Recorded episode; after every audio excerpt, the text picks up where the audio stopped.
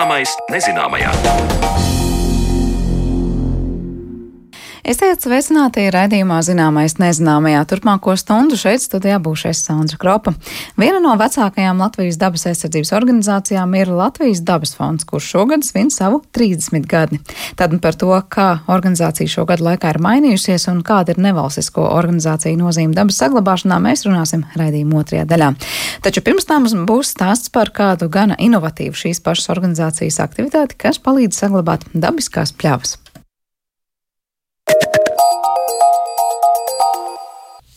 Nesen Limbaģa novadā būvējot jaunu ceļu, gabaliņš tur esošā augstvērtīgā zālē tika pārstādīts jaunā mājvietā, apes novadā. Vai šāds risinājums ir panacēja pļauju attīstībai nākotnē vai izzūdošu dabas vērtību glābšanu, un cik jutīgi un sarežģīti ir šāda pļavas transplantācija, to mana kolēģi Zana Lāce tūdaļ vaicās šī projekta konsultantei, zāļu ekspertei un uh, Latvijas universitātes profesorai Solvitē Rūsiņai. Mūsu mērķis nevarēja būt pļavas izglābšana un pārstādīšana jaunā vietā. Tādēļ mūsu mērķis bija to daudzveidību, kas ir nolemta iznīcināšanai, neļaut tomēr izmest viņu izkastē, bet lai vismaz daļa no tā dzīvotu jaunajā vietā. Runa ir par pļavu, kas tika nolemta bojājai, būvējot jaunu autoceļu posmā Limbaži Dūči. Pateicoties pļavas saimnieku izpratnei un pieaicinātajiem dabas ekspertiem, tika panākts kompromiss un gabaliņš no zaudētā pārvests uz jaunām mājām apes novadu vīrešu pagastu. Lai arī šķiet, ka šāds process varētu būt vienkāršs, ja ir pietiekams darba spēks un tehnika, tomēr arī pļava, tāpat kā cilvēka organisms, ir sarežģīta un vienota sistēma. Šajā gadījumā no zemes ir jāpaņem gabaliņš ar pļavā mītošajām augu, kukaiņu un mikroorganismu sugām. Piemērs šajā pļavas transplantācijas procesā tika ņemts no igauņu kolēģiem, un par to turpina projekta Grāslaifa konsultante, Latvijas Universitātes Geogrāfijas un Zemes zinātņu fakultātes docente Solvita Rūsiņa. Igaunijā jā, tā ir jau vairāku gadu pieredze, kur gan arī vairāk ir tieši saistībā ar dažu aizsargājumu augu sugu pārstādīšanu, bet līdz ar to arī tiek pārnesta visa velēna. Un, un savukārt citur Eiropas valstīs šī pieeja, un ne tikai Eiropas valstīs, ir izmantota dažādu kompromisu risināšanai starp dabas aizsardzības interesēm un sabiedrības un attīstības interesēm. Ko tas atšķirs, ja piemēram kāds no mums savā mazdārziņā izrok gabaliņu velēnus un aiznes un iestāda kādā citā vietā. Jā, līdzīgi arī varētu teikt, jau, ka daudz biežāk ir dzirdēta vienkārši zālienu velēnas stādīšana un nereti zālienus ierīko jau atvedot gatavas sagatavotas velēnas. Šīs velēnas būtiski atšķiras tieši ar sastāvu, ar sugu daudzveidību, jo zālienā velēnu veidojot tiek iesātas dažas sugas un tā velēna īstenībā ir dažus centimetrus bieza. To var skaisti sarūlēt rullīti un pēc tam izritināt vajadzīgajā vietā. Bet dabiska zālē valēna ir stipri biezāka, Un visā profilā, kas ir apmēram 20, dažreiz pat vairāk centimetri, šī valēna ir bieza. Tur dzīvo ļoti daudz augsnes mikroorganismu, kas ir konkrēti saistīti ar dažādām augu sugām.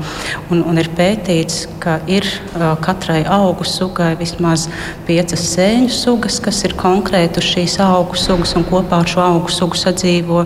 Un ir pat tādas ķēdes, ir noteikta baktēriju suga, kas ar savu darbību palīdz augam piesaistīt sēņu sugu mikroskopisko, lai veidotos mikorīza. Tikai tad šī mikorīza darbosies un augs varēs augt. Tās ir tik ļoti sarežģītas attiecības, kuras nu, patiešām īsti nav salīdzināmas ar šo zāliena balānu, kas ir ļoti vienkārša. Un, dabiska pļava ir unikāla ar to, ka mēs visu šo daudzveidību pavisam nelielā vienībā varam ieraudzīt, un, un tikai ar to daudzveidību viņi pastāv. Kāda ir Igaunu kolēģu pieredze, cik ilgā laikā un kā savu kopā šī jaunā dabiskā pļava ar jau esošo teritoriju, to jauno, kur aizved? Jā, tur noteikti būtu jāskatās arī vēl plašāka pieredze, jo arī Igaunijas kolēģiem šī pieredze nav tik ilga. Tie ir uh, vairāki gadi, bet īstenībā, lai redzētu noteikti rezultātu, mums būtu jāskatās 10, 20 un vairāk gadu griezumā. Un, un pasaulē šie pētījumi ir uzkrāti, bet jāsaka, ka nopietni nopietnākais secinājums ir tas, ka mums vienmēr ir jārēķinās ar kaut kādu daudzveidības zudumu. Principā pārstādīt biotopu ir praktiski neiespējamā misija, ja mēs gribam precīzi rezultātu iegūt, kāds bija sākotnējā vietā un jaunajā vietā. Jo tieši šīs sarežģītības dēļ Līdzīgi kā cilvēkam, ne katrs donors ir piemērots cilvēkam, kuram vajag šo orgānu. Un pat ja ir piemērots, tad vienmēr pastāv risks, ka tas netiks pieņemts. Un tāpat tās šādu līdzību var uh, izmantot arī pļavas pārstādīšanā. Principā mēs pat varam runāt par to, ka biotopu, visas pļavas pārstādīšana ir ļoti, ļoti, ļoti sarežģīta un ļoti jāpārdomā, vai vispār uz kaut ko tādu var iet. Un otrs ir vēlēnas pārstādīšana, ka mēs uzreiz apzināmies, ka mēs nepārstādīsim visu ekosistēmu. Bet mēs paņemsim tikai to daļu, ko mēs varam paņemt, un cerēsim, ka daļa no šīs vērtības, kas citādi būtu zudusi, iedzīvosies jaunajā vietā un palīdzēs šai jaunajā vietā vairoties dabas daudzveidībai. Solvita Rūsiņa, uzsverot konkrētās pļavas nozīmi, teica, ka tur vienā kvadrātmetrā viņa ir saskaitījuši 43 augu sugas, un mūsdienās šāda pērle ar tik daudz augiem ir retums. Zālāju eksperte turpina stāstīt, kādi vēl faktori ir jāņem vērā pļavas pārstādīšanā. Ja mēs pārstādām, mēs paņemam pļavu kurā ir, kā bija Limbaģa gadījumā, kurā bija sekli grāvīši jau simts gadus funkcionējuši un pļava bija tam pielāgojusies. Tad jaunajā vietā mums, protams, nav šādas seklu grāvīšu sistēmas, ja līdz ar to tie mitruma apstākļi tur var būt citādi. Tāpat tās visa ainava ir citāda, jo augi ir pielāgojušies pie konkrētiem aputeksnētājiem. Un mēs pārstātot vēlānu, mēs viņus nevaram paņemt līdzi. Ja mēs no, no kukaiņu pasaules paņemsim ļoti mazu daļu līdzi, kas būs augsnē uz to brīdi.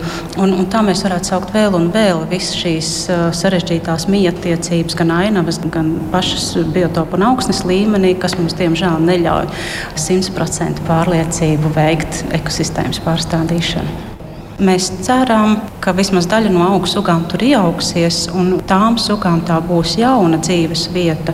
Un šajā jaunajā vietā pļava, ko mēs tur jau tāpat arī bez vēlānas stādīšanas cenšamies veidot no, no tādas vecas atmatas, kur aug tikai kamozāli un pieneni un ļoti neliela šī augstsuga daudzveidība, tad uh, mēs ar šo limbažu velānas palīdzību ceram palielināt gan augu sugu daudzveidību šajā virešu pļavā, gan it īpaši šo mikroorganismu daudzveidību. Jo arī tas ir skaidrs, ka mēs augu sugas dažreiz varam, varam paņemt sēklas un, un, un nest uz to savu jauno vietu un sēt, un viņas var neiejaukties. Un viens no nozīmīgiem iemesliem, kādēļ neieaugas, ir augsnes mikroorganismu nepiemērotība. Jo tai sēkliņai nebūs pareizā baktērija, sēkliņai nebūs pareizā sēne, ar ko mikorīzu izveidot, un tās augs neizaugs. Un, un tādēļ ļoti nozīmīgi ir neviena augu sugas ieviest jaunajā vietā, bet arī mikroorganismus, kas ir augsnē. Un, un tas bija mūsu mērķis. Runājot par šādu pļavas pārstādīšanas metodi, rodas jautājums, kāpēc citos veidos nevar zālāju izglābt. Ja mēs runājam par augu daudzveidību, tad mēs varam censties augu sugas pārnest vai nu sēklu veidā, vai zaļa siena veidā, kad mēs nopļaujam zāli, tad, kad tur ir sēklas nogatavojušās un pārnesam uz jauno vietu. Bet tā nav pilnībā līdzvērtīga metode vēlēnas pārnešanai, jo mēs nepārnesam šo augsnes mikrofloru un faunu. Līdz ar to Protams, efektīvāk ir tad, ja mēs varam no tās ekosistēmas paņemt vairāk un aiznest. Otrs jautājums, kas varbūt ir svarīgi uzsvērt, šis, lai arī inovatīva metode Latvijai, Mēs nevaram cerēt, ka šis būs risinājums visiem gadījumiem, kad mēs gribēsim kādu teritoriju attīstīt. Kā jau es teicu, ekosistēmu pārstādīt ir gandrīz neiespējami, bet eh, tas, kas būtu jāveicina, ka mēs situācijās, kad patiešām nacionāli sabiedrībai svarīgu objektu izbūves dēļ mums tiek zaudētas šīs dabas vērtības, tad mēs šīs dabas vērtības izmantojam, lai mēs citur šo dabas daudzveidību palielinātu, spēcinātu vai atjaunotu. Latvijas teritorijā kopš pagājušā gadsimta sākuma jau ir izzuduši vairāk kā 90% dabisko zālāju, un šobrīd tādas augu sugām bagātīgas pļavas mums ir tikai 0,7% no visas teritorijas. Un ir skaidrs, ka nemitīgi attīstot saimniecisko darbību un domājot par cilvēku vajadzībām, nākas upurēt daļu no dabas. Bet, kā sarkastiski teica Solvita Rūsiņa, ja mēs to mironi aprokam zemē, tad vismaz pirms tam paņemam viņa vērtslietas un turpinām tās lietot. Velēns pārstādīšana jāuzskata par maksimāla labuma iegūšanu no pļavas pirms tā vēl ir iznīcināta, nevis par pļavas izglābšanu. Nu, kaut kur varbūt pat mazliet sarkastiski tas būs. Mēs zinām, ka, ka šī vērtība ir nolemta iznīcībai. Un ir divi varianti. Viens variants, kas jau bija nolemts, ka pļava tiks iznīcināta šeit 0,3 hektāru platībā, un šī vērtība burtiski tiks izmesta mēslēnē. Ja? Vai nu viņi tiks nolikti uz ceļa nogāzes, kur apstākļi pavisam nav piemēroti šīm sugām, vai kaut kur kaudzē paliks. Tas ir tas, kas mums nereti ir noticis, un arī kas šai gadījumā būtu noticis. It īpaši jāsaka paldies zemes īpašniekam, kurš novērtēja, kurš saprata šīs pļavas vērtību un kuram arī bija sapratne par to, ka mēs zaudēsim lielu daļu no vērtības, vienkārši pazaudējot un, un necenšoties šo vērtību kaut kur saglabāt un kaut, vismaz izmantot kaut ko no tā labuma, kas tur ir. Bet šī velēna un šīs augu sugas ir ļoti liela vērtība, lai mēs jaunajā vietā ar viņu palīdzību varētu veidot, nu, kaut kādā ziņā kompensēt to mūsu pāri darījumu dabai, šo zaudējumu, ko mēs veicam, iegūstot kādus labumus attīstībai.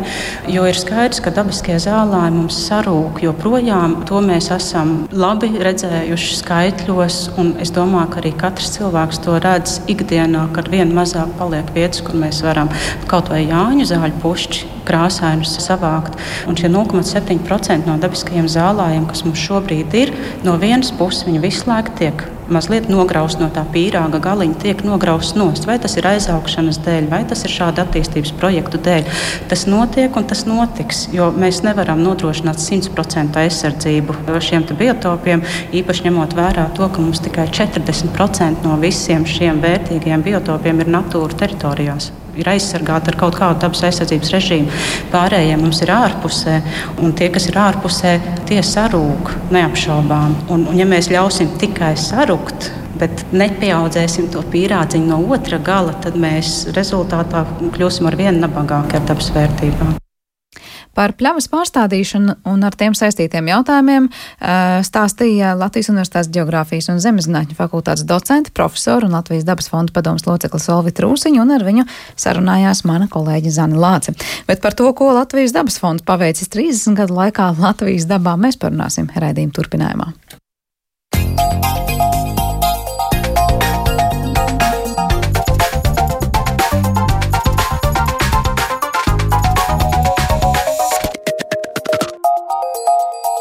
Zināmais nezināmajā.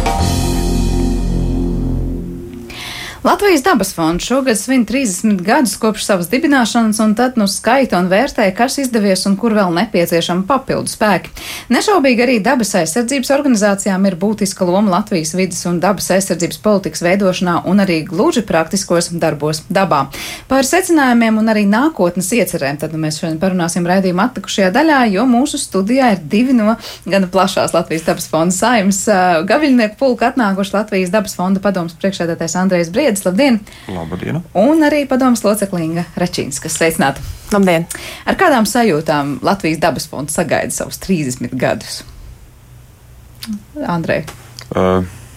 Nu, man jāsaka, tā, ka es pievienojos, esmu salīdzinoši nesen, kad ir desmit gadi, plus mīnus, kopš ir tāda ciešāka sadarbība ar dabas fondu. Līdz ar to tad, nu, man uh, Nu, man liekas, ka ir tik ilgi, un, un savukārt, ja, ja, ja, ja, ja skatās pirms tādas manas tiešās pirmās pieredzes ar dabas fondu, tad man liekas, jau, ka tāds fonds jau pastāv ļoti sen, un man liekas, nu, nevar būt tik maz, tik 30. Man liekas, ka tur jābūt kaut kam vairāk, bet, nu, ja jau saka, ka 30, nu, tad jau tad nākās jātic, ticēt tieši tā. Ingai, cik, cik liela pieredze ar dabas fondu un kādas sajūtas sagaidot tos 30? Jā, nu, ļoti duāls sajūtas patiesībā ir. Ļoti interesanti, Andrejs. Jā, es pievienojos fondam, kad viņš jau bija sešus gadus strādājis, 96. gadā. Un es laikam nekad neaizmirsīšu to, kā es sāku strādāt dabas fondā. Es saņēmu savu universitātes diplomu, biologu diplomu. Un es domāju, ai, nu aiziešu uz to dabas fondu un paprasīšu viņam cilvēks. Nevajag. Es tiešām vienkārši, es tur nekad nebiju bijusi. Zināju, ka tās dabas fonds ir. Viņš tajā laikā bija bioloģijas fakultātē. Iegāju dabas fondā un prasīju, vai viņam nevajag darbinieku kādu. Tā laika direktors Mārcis Krēls teica, jā, varbūt. Un tā es arī tur paliku. Tad viss šos, nu, jau sanāk 26, tad sanāk, jā? Jā, Un 24. 24. 24. Jā, jā. Nu, tur ar pārtraukumiem kādu brīdi atkal bija projām, bet uh, laikam jau dabas fonds ir vieta, kur es atgriežos. Bet eh, pašam fondam kā tādam, nu, ir jums kaut kāda raksturojošā kopējā sajūta visiem, kas jūs tur esat. Ir tāda sajūta, mēs esam kaut kādi jauni un maz, maz paspējuši, ko saprast, izdarīt, vai mēs esam pieredzējuši un daudz izdarījuši, vai mums ir liels tas, nezinu, kaut kāds pulks, mazs pulks. Nu, dabas fondu veidoja uh, profesionāļi, tiešām tādi zināmi dabas aizsardzības profesionāļi, kuri arī šobrīd vēl strādā dabas aizsardzībā. Patiesībā, nu, starp tiem vārdiem, ko varētu nosaukt, ko tiešām visi zina, Brigita Laime, Māris Strasts, Jānis Priednieks, Aivars Petriņš, Jānis Ozoliņš, Valdes Pilāts.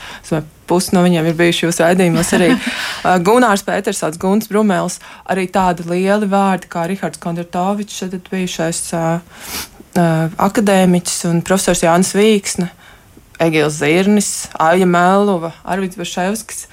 Latvijā zinām cilvēki, un man patiesībā ir ļoti liels lepnums un prieks par cilvēkiem, kuri, kuri to ir darījuši pirms 30 gadiem, strādājuši dabas aizsardzībā, un viņi turpina to darīt arī šobrīd, jo tā nav, nav, tā nav viegla karjeras izvēle, tas nav vienkārši, bet tas ir acīm redzot arī cilvēkiem tik svarīgi personīgi un cilvēku iekšējai būtībai atbilstoši profesija, ka tur tā nav variants. Tas tas, ko tu Bet, dari. eh, Var teikt, ka nu, tie, kas sanāk kopā, tad nu, ir katrs par teikt, tādu savas ekosistēmas fans vai, vai aizrautīgs aizstāvis. Nu, tad tur jums ir viens, kas vairāk par bitēm un cits, kas vairāk par jūras ekosistēmu domā. Jā, jā, droši vien, ka tā var teikt. Un, ja man jautā, kā es raksturi, raksturotu dabas fondu šodien, tad es teiktu, ka mēs neesam lieli, bet mēs esam jaudīgi.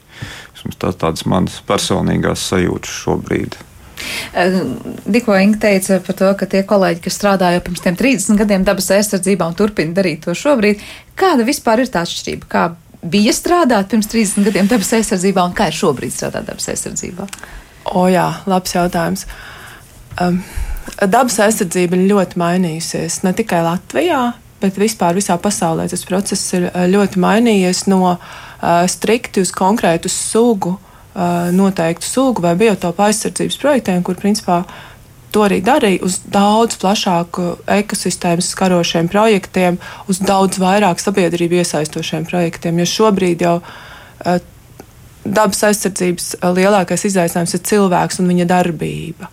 Un tas nozīmē, ka ir jāstrādā ar cilvēku, ir jāstrādā ar nozarēm, kas uh, darbojās un ļoti ietekmē dabas aizsardzību. Un līdz ar to tas ir ārkārtīgi mainījis dabas aizsardzību. Ja mēs paskatāmies uz tādām valstīm, uh, kā piemēram Amerikas Savienotās valsts, kur vispār viss ir savādāk, protams, no tā, ka viņiem uh, vispār savādāk uzbūvēta dabas aizsardzības sistēma, bet viņi, viņi vispār uh, principā sajūt, ka dabas aizsardzības organizācijas tikai caur sabiedrību to visu īsteno un ļoti daudz brīvprātīgo. Mums ir mazliet savādāk. Mums tāds vairāk Eiropas pieeja, kas tomēr ir ar aizsargāmām teritorijām un tā tālāk. Bet tik un tā tas veids, kā šobrīd dabas aizsardzība strādā, vairs nevar, nevar neiesaistot cilvēku to vispār izdarīt. Un tas, ir, tas nav varbūt katram biologam. Tas, ko viņš studējams grib darīt, viņš grib skaitīt tās savas vaboles, viņš, viņš grib skaitīt savus puķus vai kas, nu kuram vai uz putniem skatīties. Bet runāt ar cilvēkiem ir tas, kas šobrīd ir obligātais CV nosacījums arī. Dzen. Tā kā jābūt komunikatoriem visiem. var Un teikt, jūs jā. iedomājaties, biologs, kur nav, nevienmēr ir komunikātori, un tas ir izaicinājums. Tas arī ir. Nu, bet mums ir arī komunikātori, kur komunicē. Bet kā tajā sākumā, nu, ja konkrētai sugai bija orientēta tā visa aktivitāte, aizsardzība, man tagad liekas dīvaini, kā to vispār var sargāt, ja nerunā ar to cilvēku. Vai ne? Šobrīd tas Kā liekas dīvaini. To laiku? Nu, kāds piemērs? Nu, piemēram- jāsargā un viss. Nu, kā var nemīlēt raini? ne? Droši vien no tāda līmeņa. Nu, tajā laikā mums vēl redzēt, ka sāka dabas, tas bija tikko pēc neatkarības iegūšanas. Tur bija ļoti liela ietekme arī no padomu laika. Dabas aizsardzības un padomu laika dabas aizsardzība jau kā ne tikai dabas aizsardzība, jebkura lieta padomu laikā tev baigi neprasīja, ko tu gribi, ko tu nedari. Valdība nolēma tā un bija tā. Un tas pat tajā laikā jau ir dabas aizsardzība, tāpat tās. Un, uh, Bet tā bija tā kā konkrēta teritorija, tur nezinu, uzturēšana, iekopšana vai tur tā veidošana, jā, piemēram. Droši vien jau kas arī mainījies, ir tas, ka kādreiz mēs eh, nu, dabu sargājām. Tas nozīmē to, ka nedrīkst darīt neko. vai Ne? Tas visdrīzāk nozīmē kaut kādu liegumu. Tagad tā izpratne ir vai- mainījusies tajā virzienā, ka ļoti bieži tomēr ir nepieciešams noteikts darbības no cilvēka puses, lai to dabas vērtību arī sagar, sa, spētu nosargāt. Un Tas nav tāds mīts, kas uh, ir izplatīts sabiedrībā vai cilvēku domāšanā, ka mēs netiekam līdz savā domāšanā tajā, ka jā, aizliegums tas nav vienīgais. Nu, ir reizes, kad, kad, kad tas ir vajadzīgs, bet jā, tieši tā, jo bieži vien jau, jā, ja tur kaut ko atradīs, nu tad viss svītra pāri un āmen, man neko nevarēs darīt. Man liekas, tas tāds relikts arī, kas no padomu laikiem ļoti Jā. daudz cilvēkiem velkās līdzi, kad uh, tiešām padomu laikos lielā mērā bija tas, ka aizsargājumās teritorijas bija slēgtas teritorijas, dažas, dažas pat. Un uh, šobrīd tas galīgi vairs nav aktuāli, jo mēs paskatāmies arī uz mūsu lielajiem nacionālajiem parkiem, piemēram. Uh, kas ir mm, tāds šveicis siers zonējums. Un zonējums nozīmē, ka Gaujas Nacionālajā parkā vienā vietā var darīt pilnīgi visu, otrā vietā varbūt ir aizliegta galvenā cirta, trešajā vietā vēl to. Un arī mūsu pat aizsargājumās teritorijās atļauts ļoti daudz darbības. Ja mēs, piemēram, runājam par pļavām, tad vispār stāstās, ka cilvēki viņas nevar. Tieši ir jā, jāaicina cilvēki jā. darīt. Jā. Jo meža saimniecībā tiešām tur, tur, tur, tur nāks saskarties ar dažādiem ierobežojumiem, bet, ja mēs runājam par lauksaimniecības zemēm, tad ir ļoti, ļoti maz ierobežojumu attiecībā uz saimniecisko darbību. Nu, salīdzinoši. Jā, nu, varbūt ja mēs skatāmies uz bioloģisko lauksaimniecību, tur kaut kādi bet, principā... nu, jā, bet tas jau atkal ir tā ir brīvprātīga cilvēka apņemšanās. Jā. Jo bioloģiskā lauksaimniecība, nu, gribu nodarbojos, negribu nenodarbojos. Lietoju visu, kas valstī atļauts ražošanā. Nu. Ja mēs runājam par tādām Latvijas dabas ainavām, kuras, drīkst tā teikt, ir mūsu rīcībā tādas, kādas tās ir, ka mēs tur varam baudīt skaisto ainavu vai skaistu tīru ezeru vai kā citādāk kas mums ir pateicoties tai dabas aizsardzībai, vienalga vai 30 gadu garumā vai 60 gadu garumā, kas bija jau pirms dabas fonda. Kuras jūs nosaukt tās vietas, kur varbūt tieši Latvijas dabas fonds ir pielicis nu, vislielākās pūles, lai tā ainava, tā ekosistēma būtu tāda, kā tā ir šobrīd? Piemēru ir ļoti daudz. Uzreiz man ienāca prātā gan gan eh, ķēmeņa nacionālais parks, gan Angura, gan Ziemeļgāja, gan Abava. Piemēram, Angurē mēs uh, īstenojam pirmo laivu projektu, kas bija pirmais Latvijā lielais Eiropas Savienības uh, finansētais laivu projekts, kur ietvaros mēs atjaunojam ezeru ekosistēmu. Un, ko tas nozīmē? Tika pļauts niedrs, jo šie piekrastes sekli ezeri ļoti aizauga. Eitrofikācijas rezultātā cilvēks laika gaitā ir ļoti daudz varības vielas sanests iekšā un viņi vienkārši aug ciet. Un, tas bija laiks, kad mēs šajā pirmajā live projektā darījām lietas, kas Latvijā līdz šim nebija darītas, gan, gan iedspļaujot, gan arī darot tādu lietu, kā ieviešot ganīšanu gar ezeru. Un, Atjaunojot. Atjaunojot, nu, at, jā, atjaunojot kādreiz, jau viņi bija bijusi tur senos laikos, kad cilvēki bija govis, dzinuši tur lielos attālumos, bet tas sen bija pazudis un aizmirsies. Un mēs atjaunojam šo dabisko ganīšanu. Arī tajā laikā izveidojas Angūras ezera dabas parka fonds. Tas ir arī viens no tādiem ļoti foršiem piemēriem, ka mēs dabas fonds tajā laikā pieslēdzoties, izveidojām sistēmu, kur šobrīd turpina tur darboties. Angūras ezera dabas parka fonds lieliski tiek galā ar ezera apsaimniekošanas jautājumiem. Un ezeram ir brīnišķīgas piekrastes pļavas, kurās var likstot putni, un cilvēki var redzēt ezeru, nevis niedru lauku. Un, Tad, tas tā. bija jau 90, 90. gadi. Jā, 20, kad... tas, bija 2000. gada sākumā, 2000. gadā Angūras. Ja tad nebūtu izpļauts tās niedras, kāds Angūras ezers būtu šodien? Oi, nu tā ir tāda zīmēšana. uh, ja, nu, protams, tu, ja tur nebūtu nekas darīts, viņš būtu, es domāju, viņš būtu praktiski pilnībā aizaudzis. Un, uh, Tas ir noticis arī ar kaut kādiem mazākiem ezeriem, kas vienkārši pārvēršas, pamazām pārvēršas par uh, niedru lauku un pārpurvojās. Nu, tur, vairs, tur arī kaut ko var darīt, bet uh, iespējas ir mazākas. Tad, nu, tas ir labs piemērs, kā paskatīties, kā būtu, ja būtu. Mēs varam teikt, un mēs nomērīsim. Lūk, mēs šobrīd baudām šo ainavu skaisti, skatoties no putnus vai paši tur braukājot ar, ar subdēļiem un baudot saulrietus ja, tā, ja, ja tas ezers būtu aizaudzis, tā, tā vērtība mums tā būtu vienkārši zudusi. Un ar orhidejām būtu tas pats, jo mēs toreiz Angļu projektā izveidojām orhideju taku. Es atceros, toreiz cilvēki bija ļoti pārsteigti par orhidejas Latvijā, un tad viņi aiziet uz orhideju un saka, un tik maziņas. un tas viss bija.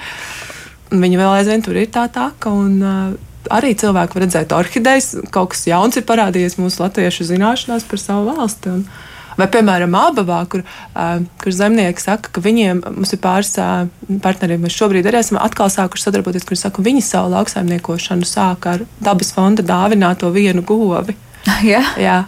Un viņiem šobrīd ir liels lielopu ganāmpulks, un viņi veido šo brīnišķīgo abavas senlēs ainavu, kurai ir nu, iedomājieties, jums sen, lai būs aizaugusi visa kokiem un krūmiem, tur nebūs tās ainas, bet ir skaists noganīts šis brīnišķīgās abavas pļavas, kas ir vispār Latvijas pļavu dārgumu krātu.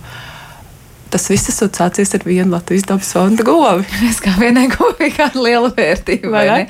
Un tajā brīdī jau tu pat neapzinies, ko tu varbūt uzsāc ar tām nelielajām darbībām, ko tu tajā brīdī dari. Tā kā, kad uz to tā paskatās, kad mēs paši sākam skatīties apakaļ, ko mēs esam paveikuši, tad, tad ir forši sajūta. Reizēm ikdienā liekas, nekā.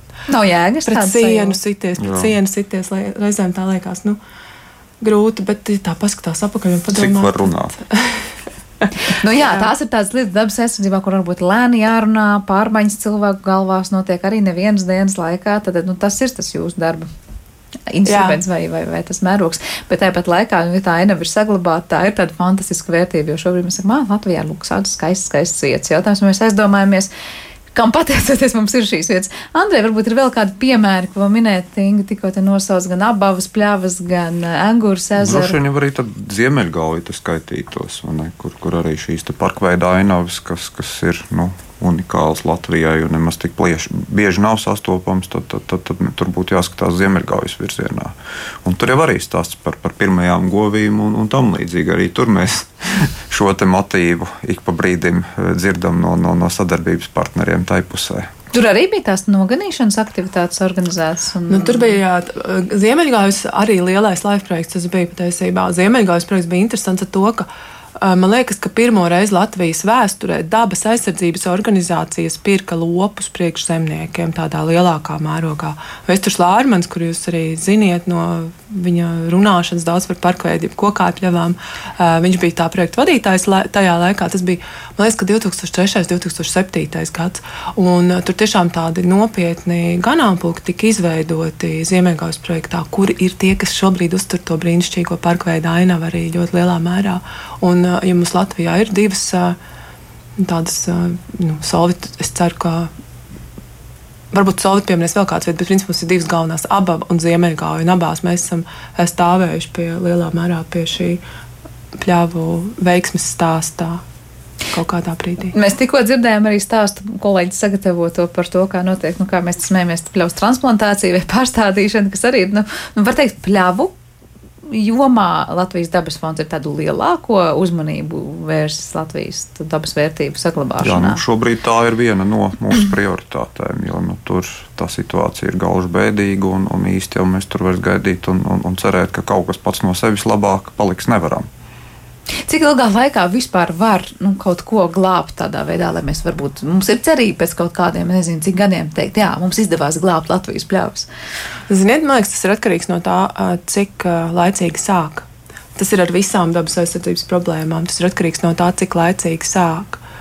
Un, ā, es nezinu, es nedomāju, ka es varu atbildēt šo jautājumu. Es domāju, ka pat Salvi Trūsiņa var atbildēt uz šo Tur, jautājumu. tur es domāju, ka šajā brīdī tas, tas, tas kas mums būs pirmais solis, ir nu, pļavas glābšanas virzienā, vai pļavu glābšanas virzienā, ir tas, ka nu, apturēt to situācijas pasliktināšanos. Jo nu, dažādu iemeslu dēļ, tā, tā, ja mēs runājam par pļauju biotopiem, tad tā biotopa kvalitāte nu, ir gadu laikā pasliktinājusies. Un Tad mums ir jāpanāk tas, ka nekļūst sliktāk, un tad jau mēs varam skatīties virzienā, ka varbūt mēs kaut kur nāk teritorijas, kuras mēs atjaunojam šo bioloģisko daudzveidību, un arī šīs platības palielinās. Jo šajā brīdī vēl ir tā, ka nu, tāds bremzēšanas, bremzēšanas tāds, tāds, tāds posms, es teiktu. Es saprotu, ka Latvijas dabas fonda dzimšanas dienā mēs visi savā ziņā kaut kādu dāvanu saņemsim. Runājot par pļavām, arī mums ir iespēja, kā teikt, tik pie kvadrātmetra pļavas. Būs uh, neliela intriga, jā, gaidiet. Šonadēļ būs uh, dāvana. Neko vairāk mums, uh, mūsu komunikācijas teikt, iedzīvotājiem bet dāvana. Latvijas iedzīvotājiem. Dod, dosim Latvijas iedzīvotājiem iespēju palīdzēt Latvijas pļāvai tā nopietni. Un tad tā šonadēļ izsludinās. Tātad šodien mēs varam gaidīt dāvanu Latvijas dabas fonda mums katram. Jā, Nu, jā Latvijas dabai kopumā. Redzēsim, jā, ko jūs būsiet sagatavojuši. Ar lielu interesi gaidīsim, bet runājot, jūs te piesaucāt par to vienu govi, kas izrādās ir bijis gan nu, nozīmīgi vesels, eh, no, nu, liels teritorijas atjaunošanā un uzturēšanā. Kā veids šobrīd ar mobīlo ganāmpulu, kas ir Latvijas dabas fonda rīcībā? Un es saprotu, tas arī kaut kas tāds, nu, salīdzinoši unikāls dabas organizācijai. Jā, vispār, ja tā redziet, tas ir tas, ko mēs paši, mums jau tā ir ikdiena, mēs jau esam pieraduši, bet patiesībā tas ir, tas ir unikāla lieta. Latvijā nekas tāds nav bijis, Baltijā nekas tā, tāds nav bijis, un mēs ļoti drosmīgi sākām šo milzīgo eksperimentu, un šobrīd mobiliem ganāmpulkam ir darba daudz. Un mēs mācāmies ļoti daudz lietas arī par to, kā tas ir jādara pareizāk, kā mēģināt optimizēt šo darbību. Ir ļoti daudz atziņu, ir ļoti daudz pozitīvu sajūtu no cilvēku puses. Arī cilvēkiem patīk. Mums ir arī daži brīnišķīgi brīvprātīgie izveidojušies vietās, kur mēs ganam mobīlos. Un, uh, kuri paši tad iet katru dienu apskatīt, kā gūt viņam klājās un ziņo mums, kas un kā. Tā kā um, tas ir gan zinātnisks eksperiments, gan arī tāds cilvēcisks, sabiedrība ļoti iesaistošs gājiens tajā ziņā, ka cilvēkiem patīk. Un, protams, ir arī, ir arī gadījumi, ka cil... mēs vispār Latvijā neesam pieraduši pie ganībām. Un ļoti bieži cilvēki ir sašutuši, ka viņam tagad, tur, kur viņš gāja ar sunu staigāt, tagad pēkšņi priekšā ir žoks un ganības, lai gan ir liels uzraksts nāciet, var droši tikai sunīt pie saitītes. Tas vēl ir, es domāju, jāpiet gadiem, ir, kamēr cilvēki pieradīs, ka ganības ir visur un viņām var droši staigāt cauri, tikai vajag respektēt dzīvniekus, kas tur iekšā ir. Anglijā ļoti izplatīts šis uh, dabas sargāšanas veids, ka visur ir ganības un viens par to neuztraucās. Mums ir vēl tikai jātiek pāri tam, tam pirmajiem gadiem, kad cilvēki mūst pie, pie. Bet, nu labi, viena lieta ir tas, ka cilvēkiem izplatīta varbūt ideja par to, ka ar ganībām mēs varam daudz ko palīdzēt dabai, un tad mums ir jāveido ganības, bet tas, ka organizācija veido šādu mobīlo ganāmpulku, protams, ka mēs pārvietojam tos lopiņus no, no pļavas uz pļavu. Tas ir kaut kas unikāls arī vispār Eiropā, vai citur to jau dara dabas organizācijas? Ja mēs runājam par valsts mēroga pārvietošanu, es neesmu dzirdējis nevienu tik traku organizāciju, Jā, kas to darītu. daudz kilometru Labi, mums arī nav milzīga valsts, protams, bet uh, kopumā uh, Dienvidvalstīs ir uh, šīs uh, vēl aizvien saglabājušies ganiņi un uh, tādas mm, plašākas teritorijas, piemēram, Portugālē vienkārši tur lielāki ganāmpulki staigā ar ganu apkārt un, un sunīšiem.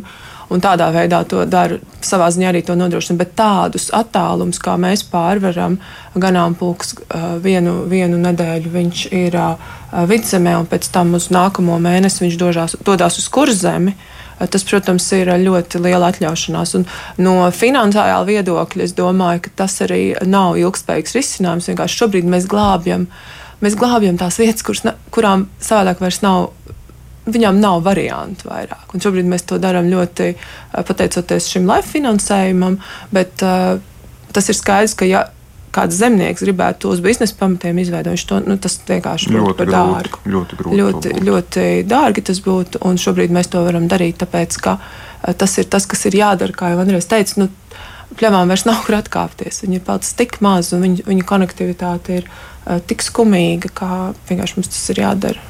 Nu, cerams, ka izdosies mobiliem ganāmpulkam panākt to savu efektu un savukārt pārējiem iedzīvotājiem arī likt to savu roku klāt, lai, lai visi kopīgiem spēkiem tās pļaus pasargāt. Egija mums ir atrakstījis tādu vairāk kā komentāru.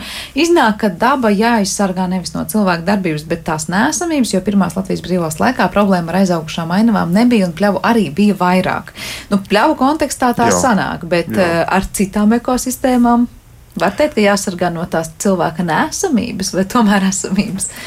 Nu, ziniet, uh, Egija ir taisnība attiecībā uz pļavām un uh, nu, lauksaimniecības Nu, un uz lauksaimniecības ainavas daudzveidību. Jā, tur droši vien, Jā. ka jo vairāk cilvēki būs ainavā, jo tā ainava būs daudzveidīgāka. Jo, ja mēs teiksim, skatāmies tikai un vienīgi tonu un kubikmetru virzienā, nu, tad tur ļoti labi tiek da daļā, galā tehnoloģijas un nu, tās apsaimniekamās. Apsaimniekamā, apsaimnieku Ko ja jamās mās? platības kļūst ar vien lielākas, lauka lielāka un tā daudzveidība pazūd. Tā kā tur, jā, tur droši vien, ka bez cilvēku iesaistes, nu, tas, tas nav unikāli arī Latvijā. Tas ir tas, ko saka par, par, par lauksaimniecību visur pasaulē. Ja mēs gribam vairāk dabai, tad gribam vai nē, nu, cilvēkiem ir vairāk jāiesaistās tīri lauksaimniecībā.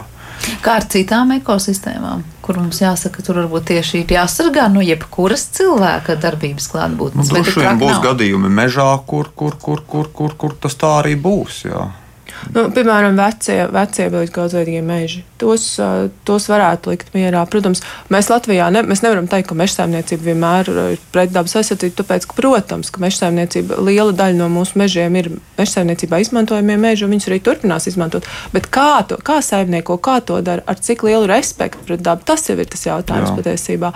Nav, mums nav balts vai melns, vai jā vai nē, bet tas drīzāk ir par to par tiem mazajiem solīšiem, ko tu spēr savā ikdienā. Jo, kā es jau iepriekš minēju par šo mūsu ainavas konektivitāti, kur ir dabas konektivitāte tik, tik, tik bēdīgā stāvoklī šobrīd ir, ka patiesībā arī ārpus aizsargājumām teritorijām tas, ko mēs darām, ārpus aizsargājumiem, kā mēs saimniekojam, ar kādu respektu pret dabu, kādas mazās izvēles mēs izdarām, ļoti ietekmē šobrīd kopā dabas stāvokli.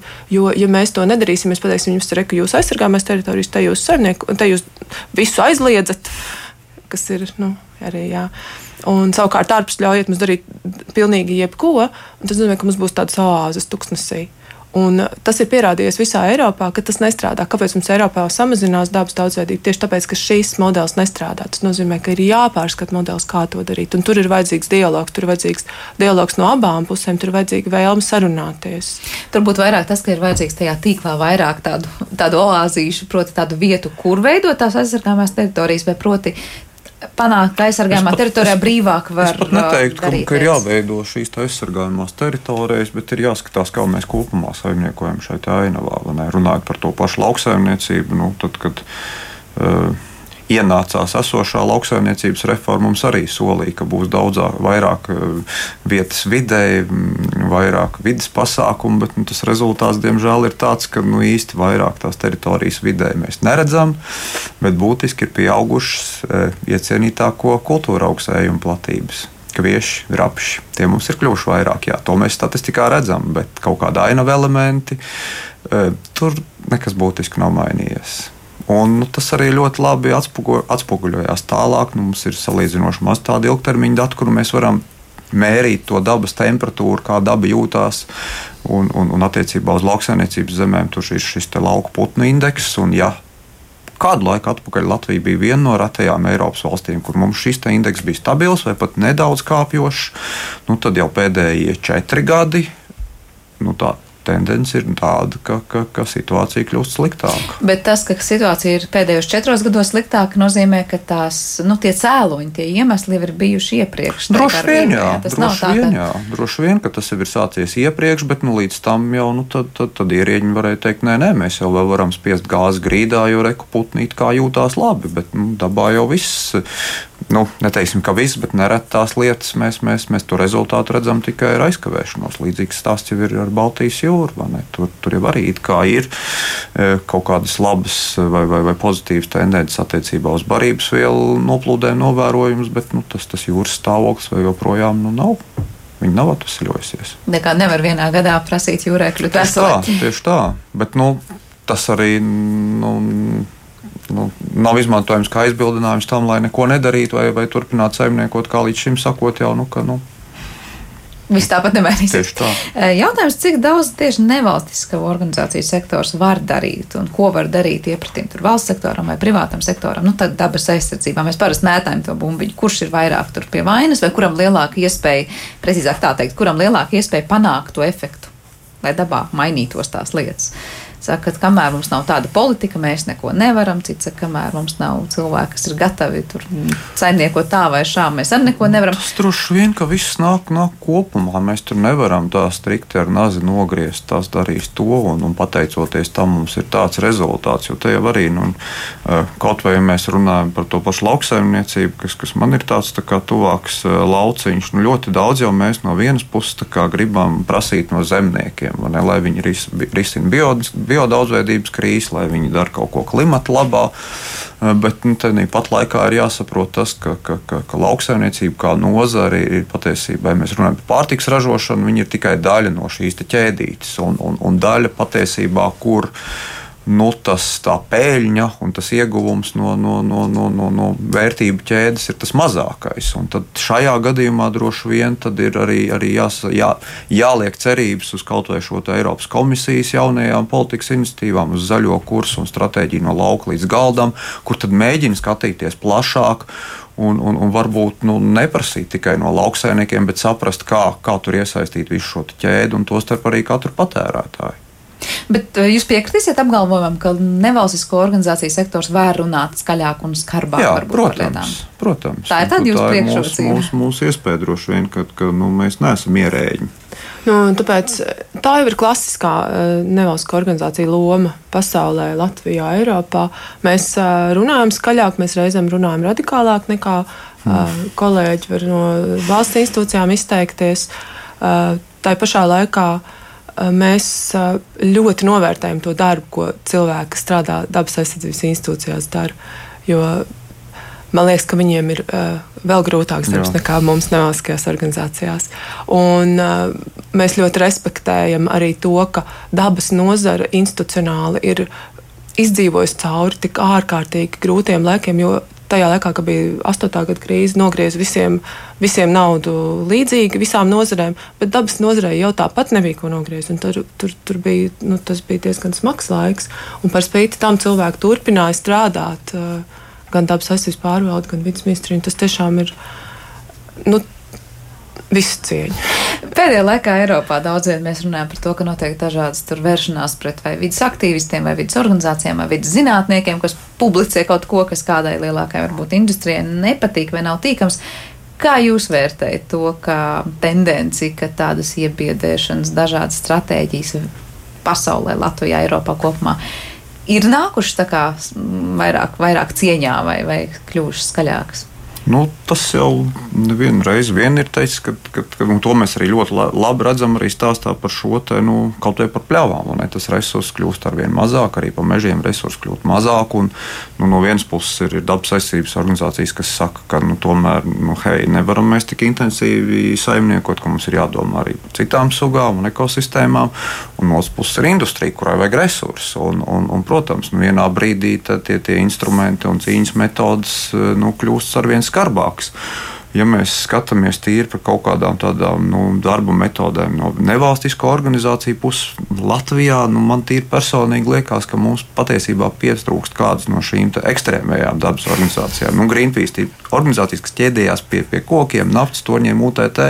Jo nu, tad sanāk tā, ka nu, Latvijas dabas fonds ir tādi zaļie ekstrēmisti, bieži vien vismaz tā mūsu dažas nozares mēdz dēvēt, bet, bet, bet no otras puses es uzskatu, ka mēs esam ļoti atvērti uz dialogu un tiešām mēģinām ieklausīties un to. Un tad, jā, tur, tur varbūt, ja mēs domājam par, par dabas aizsardzības nākotni Latvijā, tad brīva niša ekstrēmākām organizācijām. Vai, vai tas ir laikam citi jautājumi temats, raidījuma temats, jo mums jau jābeidz šī saruna, vai tas ekstrēmisms dabas aizsardzībā šajā gadsimtā var panākt savu, viņam vispār ir vieta, vai labāk iet uz dialogu un, un mērenību tajā, kā mēs runājam. Droši vien jau, ka to rezultātu mēs panāksim tikai un vienīgi ar dialogu, bet, bet šādas te asākas notis nu, spēj saprast, ka, ka, ka, ka tas vēlns nav tik melns kā mālē. Nu, mūsu gadījumā, vai ja mēs runājam par dabas fondu, jo nu, attiecībā uz lauksaimniecību, meža saimniecību, nu, mēs tomēr mēģi, mēģinām ieklausīties, mēģinām nu, no savas puses izvirzīt loģiskus argumentus un tādus pašus arī sagaidīt no otras puses. Un, ja,